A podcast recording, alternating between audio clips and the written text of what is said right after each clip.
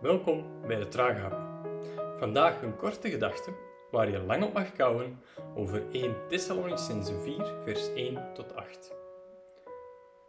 Vrijheid is een interessant woord.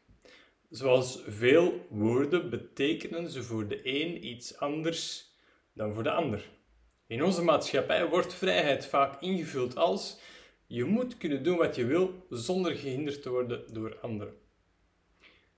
Zeker in deze tijd waarin we ons beknot voelen, wordt er vaak geroepen om vrijheid. Ik wil kunnen doen wat ik wil.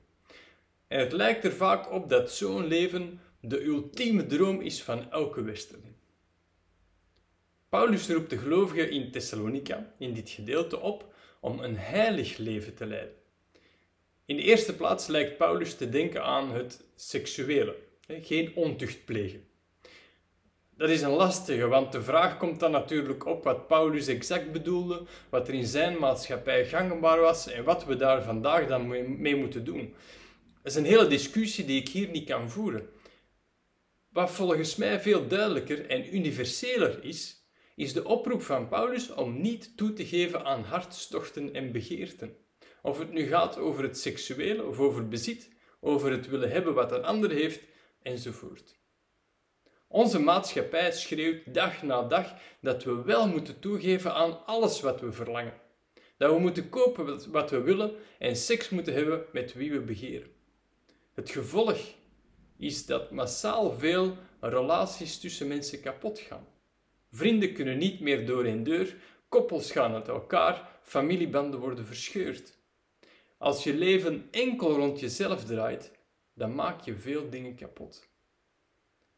Een leven als volgeling van Jezus is net andersom. Zo'n leven kenmerkt zich door niet toe te geven aan alle hartstochten en begeerten. Het kenmerkt zich door gericht te zijn op de ander en wat de ander nodig heeft. Dat is een ander verhaal dan de vrijheid waarin onze maatschappij zo omgeroepen wordt.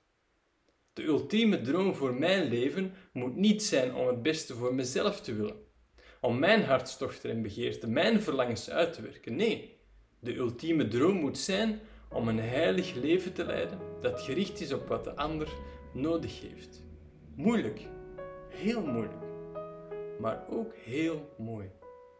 Kou er maar verder op. Smakelijk.